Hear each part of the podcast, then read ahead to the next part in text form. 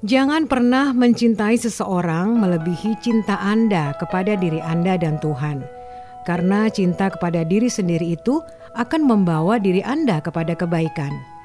Cinta kepada Tuhan akan membawa keberkahan, sedangkan cinta kepada seseorang bisa membawa Anda pada kebutaan.